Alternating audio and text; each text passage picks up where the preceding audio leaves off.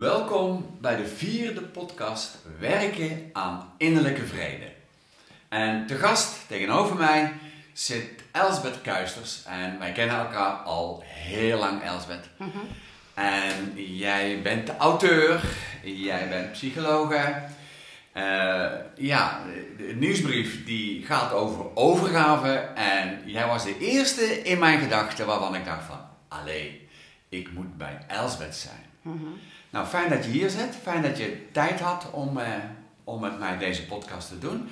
En de eerste vraag uit de podcast is traditiegetrouw. Wie is Elsbeth Kuisters?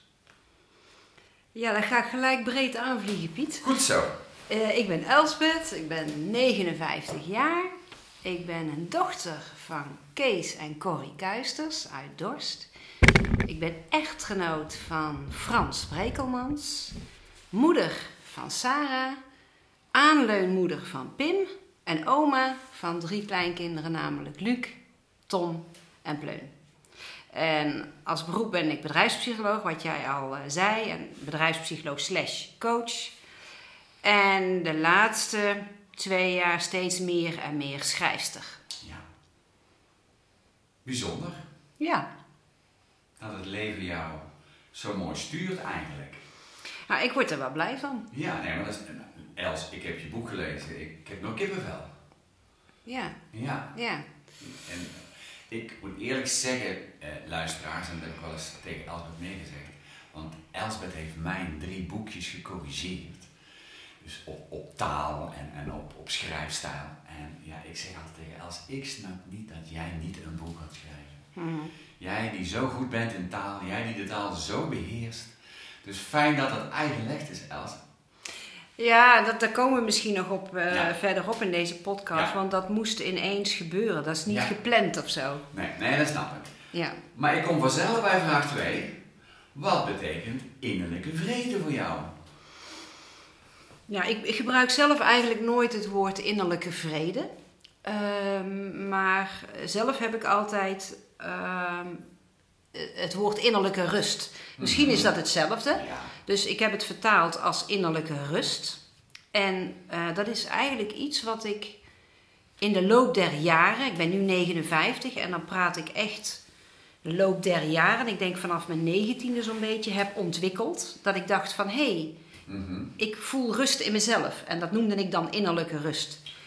En ja, wat is dat? Ehm, ik denk dat dat eh, voor mij betekent dat, eh, dat ik kan accepteren hoe het is.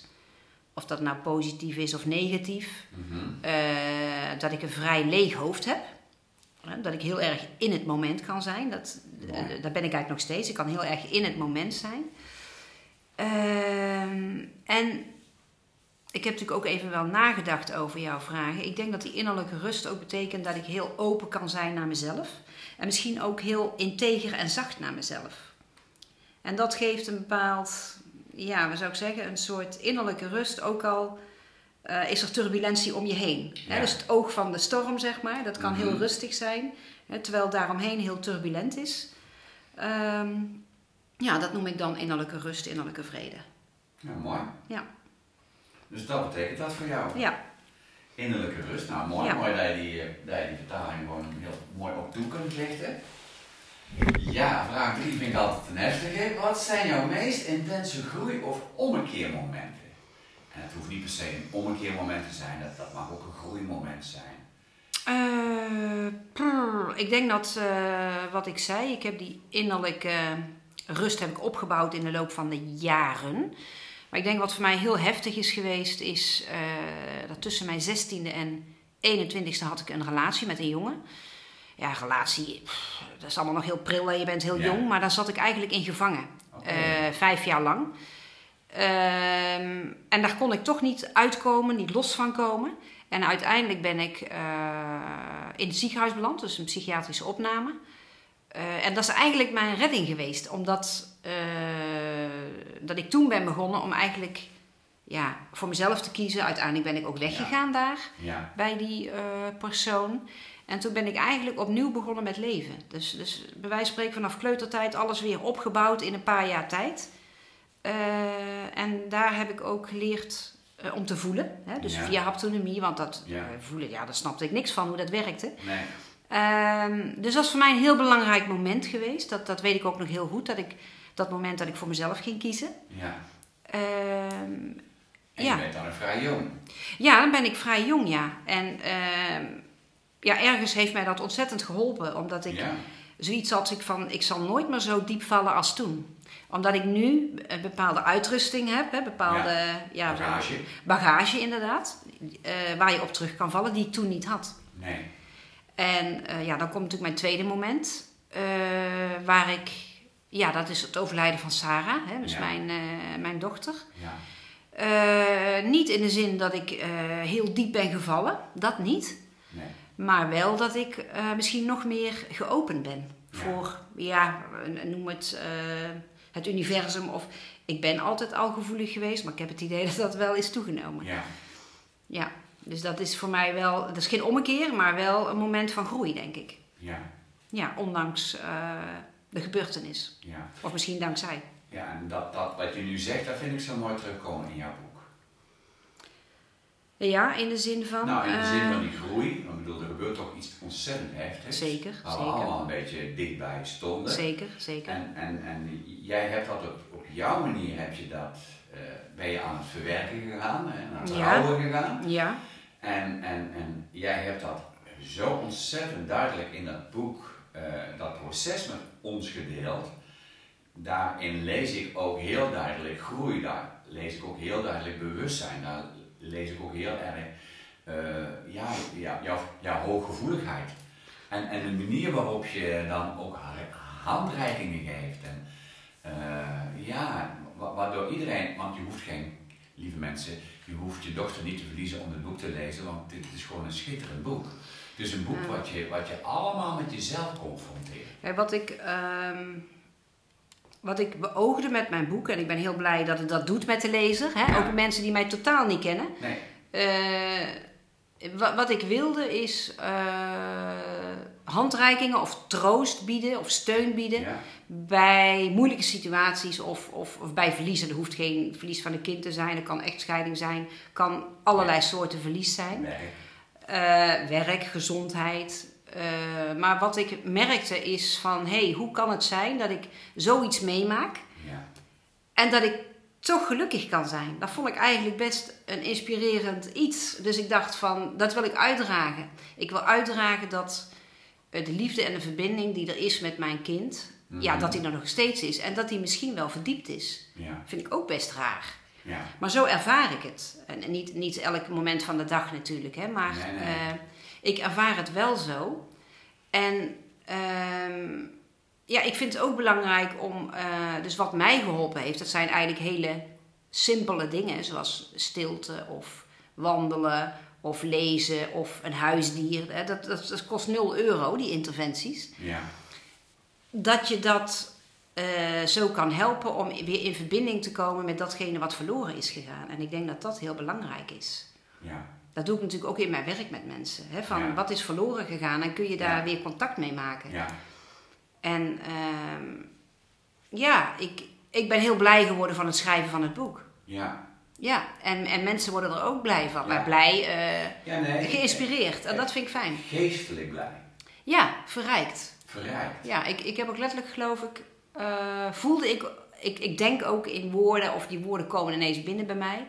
Ik zat, eh, het was volgens mij eh, een, een, een, een herfstachtige dag of zo, maar het was nog wat zonnig. En ik zat buiten aan de tuintafel. En er kwam ineens zo'n rode libelle, zo'n heidelibelle, die kwam Ja. zo boem. En die keek me echt met die grote hè, facetogen zo aan, zo echt zo recht in de face. Ja, Ja, en toen schoot het echt zo door mijn hoofd. Oh, echt zoals een... Ik voel me rijk in mijn verdriet. En, en ik denk dat dat eh, heel erg uitstraalt in het boek. ja, Dat dat kan. Ja, omdat, ik zei het laatst nog tegen Frans. Ik zeg, als ik heel verdrietig ben, want die zijn momenten zijn er echt. Het is eigenlijk ook een, een vorm van intimiteit. Zo voel ik dat. Ja. Dat ligt heel dicht bij elkaar bij mij. Ja. Dus die intense liefde en, die, Ja. en dat intense verdriet... ja. Dat is een, een, voor mij een hoge mate van intimiteit. Mooi. Ja, zo, zo ervaar ik het. Ja. Ja, Jouw boek is aan zijn tweede druk bezig. Dat, ja, dat is er al. Oh, sorry, dat is er al. Sorry. Dat is er al. Ja. En ons Saar is niet gek. Ja, dat is de stichting, ja. Stichting Sarah is niet gek. Kijk, het begin, dat boek Moeder Hart vol Rouw en Liefde, dat eindigt met eh, een, een epiloog. En dat is het gedachtegoed van Sarah. Omdat Sarah, eh, Sarah, even voor degene die het niet weet, is 17 jaar geworden. En overleden aan zelfdoding. Ja. Eh, maar zij had bij leven, heeft ze tegen mij en tegen een aantal vriendinnen gezegd van... eh, ik wil heel graag een tijdschrift maken. Ze was bezig met eh, een men- mental health project voor jongeren. Omdat zij vindt dat er eigenlijk veel meer eh, gewerkt moet worden aan mentale gezondheid. Eigenlijk al op jongere leeftijd, dat er informatie over moet komen. Ja. Omdat kinderen niet delen, maar dat het wel belangrijk is dat ze gaan delen. Ja. Nou, dat hebben we vier jaar na haar overlijden, zijn we daarmee begonnen. De stichting Sarah is niet gek is opgericht.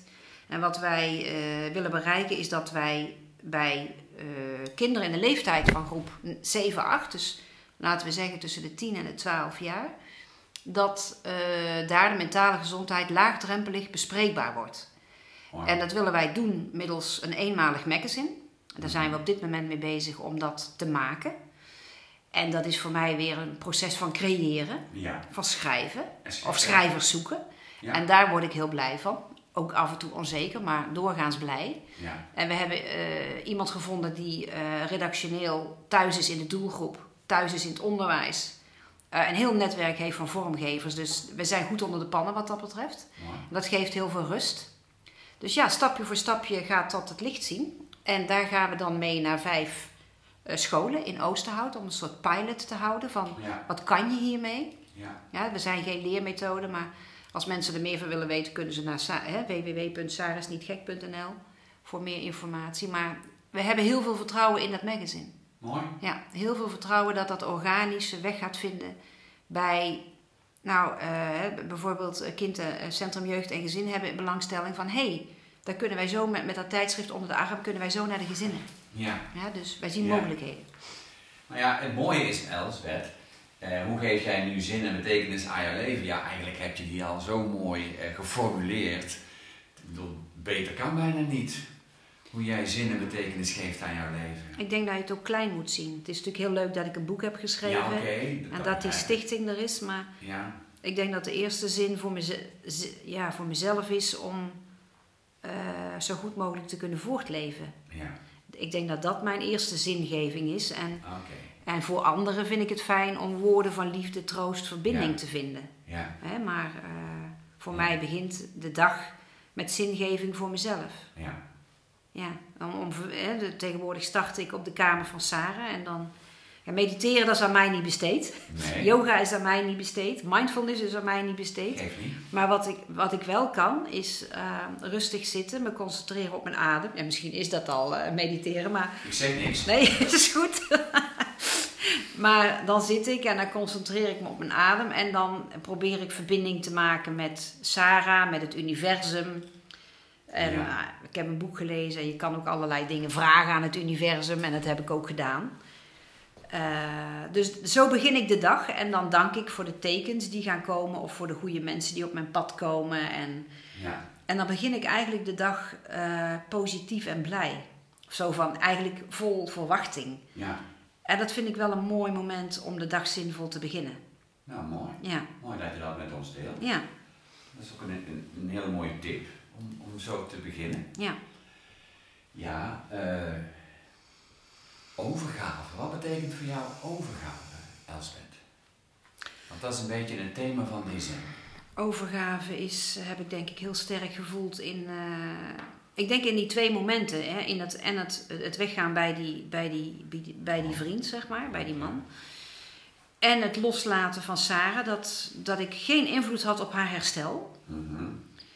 Eh, en dat ik dacht van ja, wat, wat er dan ook gaat gebeuren, eh, dat zag er niet goed uit in beide gevallen. Ja, Eh, toch weten van het kan niet anders dan zo. En, en daar dan toch een soort vrede mee hebben.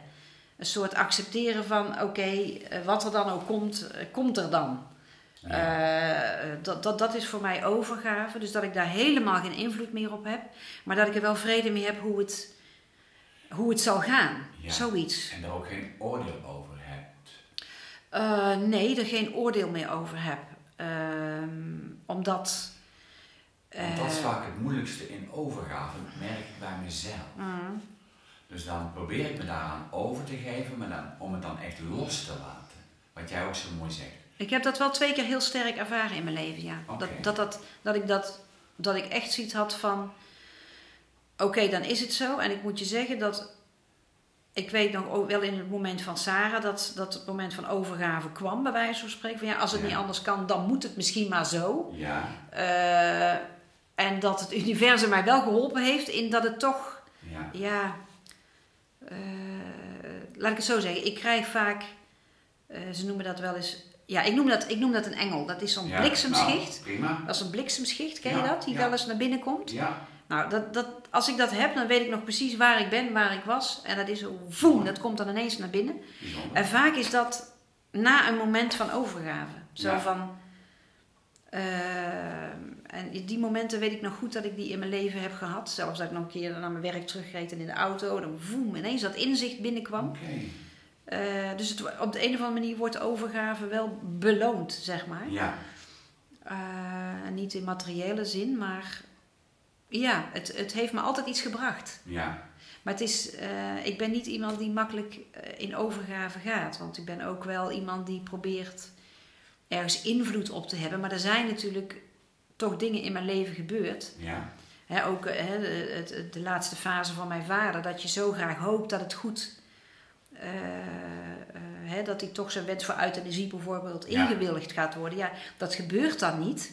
Dan moet je je ook overgeven. Hè? Ja. Dus een overgave. En, maar ik merk wel dat overgave ja, voor mij eh, ook een soort diep vertrouwen is. ja. Mooi. ja, een, een diep vertrouwen van oké, ehm, linksom of rechtsom zal het gaan Ja. zoals het gaat en kan ik er vrede in hebben. Ja. Ja. Ja, wat ik dan wel eens merk in mijn gevecht met overgave, is dan, dan is dat gebeurd wat ik eigenlijk niet graag wenste. Om maar dat voorbeeld van jouw vader aan te halen. Dan, ja, dan is dat niet gebeurd en dan, dan zoek ik dat ook heel erg bij mezelf, waar ik misschien daar zelf in tekort geschoten ben. Dan, dan voel ik me ook een beetje eh, eh, nijdig en dan word ik een beetje boos en een beetje. eh, en dan op een bepaald moment, dat, dat heeft tijd nodig bij mij, en dan op een bepaald moment dan, dan kan ik het loslaten. Op een bepaald moment kan ik zeggen, u wil geschieden. Op een bepaald moment kan ik dan toe, me overgeven aan, aan mijn positieve gevoel van, ja Piet, eh, het leven is niet kiezen, alles mag er zijn. En ook datgene wat jij graag anders had gezien, voor jouzelf en voor de ander, oké, dat is dan even niet gebeurd. Maar eh, probeer toch die goede positiviteit in jouzelf te koesteren. Mm. En probeer toch dat vertrouwen wat jij vertelt, probeer dat toch te blijven voeden. Mm. Want je je zou verbitterd kunnen raken. ja, en dat verbittering vind ik een hele nare. Ja. Is het een emotie? Ik weet het niet, maar vind ik heel naar. Ja, je kunt blijven hangen dan in iets waardoor het moet. Let op, het ene is makkelijker waar je over aan kunt geven dan het andere natuurlijk. Hè. En, en in jouw situatie, je hebt toch twee behoorlijke, eh, behoorlijke overgave momenten ge- gehad in jouw leven.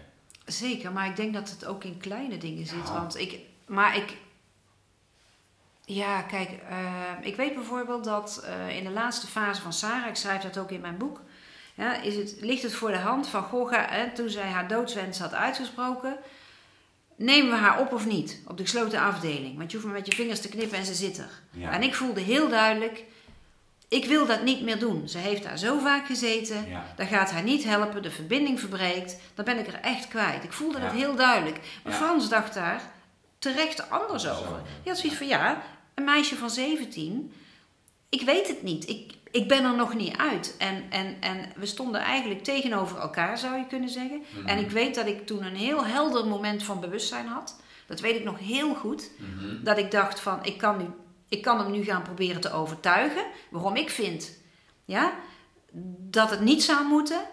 Maar ik dacht dat ik wist, ik voelde heel helder, dat moet ik niet doen. Want Frans heeft ook zijn proces te gaan en ik heb mijn proces te gaan. En ik kan het zijne niet beïnvloeden. Dus ik heb het gelaten. Ja, We hebben het gelaten. ja, En Frans heeft onderzoek gedaan, is, is mensen gaan spreken. En los van elkaar eh, is hij teruggekomen op zijn standpunt. Hm. En waren wij dus weer één in ons standpunt. En hebben wij uh, uiteindelijk nog een hele goede tijd met Sarah kunnen Ja. hebben. Ja. En ik weet dat moment nog heel goed. Dat was voor mij tegen mijn natuur in. Want normaal ben ik best, Mhm. kan ik drammerig zijn of overtuigen wil ik inzetten. Maar ik voelde, ik moet dat niet doen. En dat is voor mij ook een moment van overgave. Van het laten. Zeker, zeker. Het zeker. laten, dat weet ik Ja, nog heel ja, goed. Ja.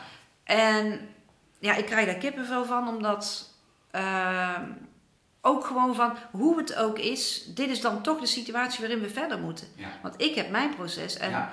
Frans heeft zijn proces, Sarah heeft haar proces. En ik voelde heel duidelijk, ik moet bij mezelf blijven. mooi.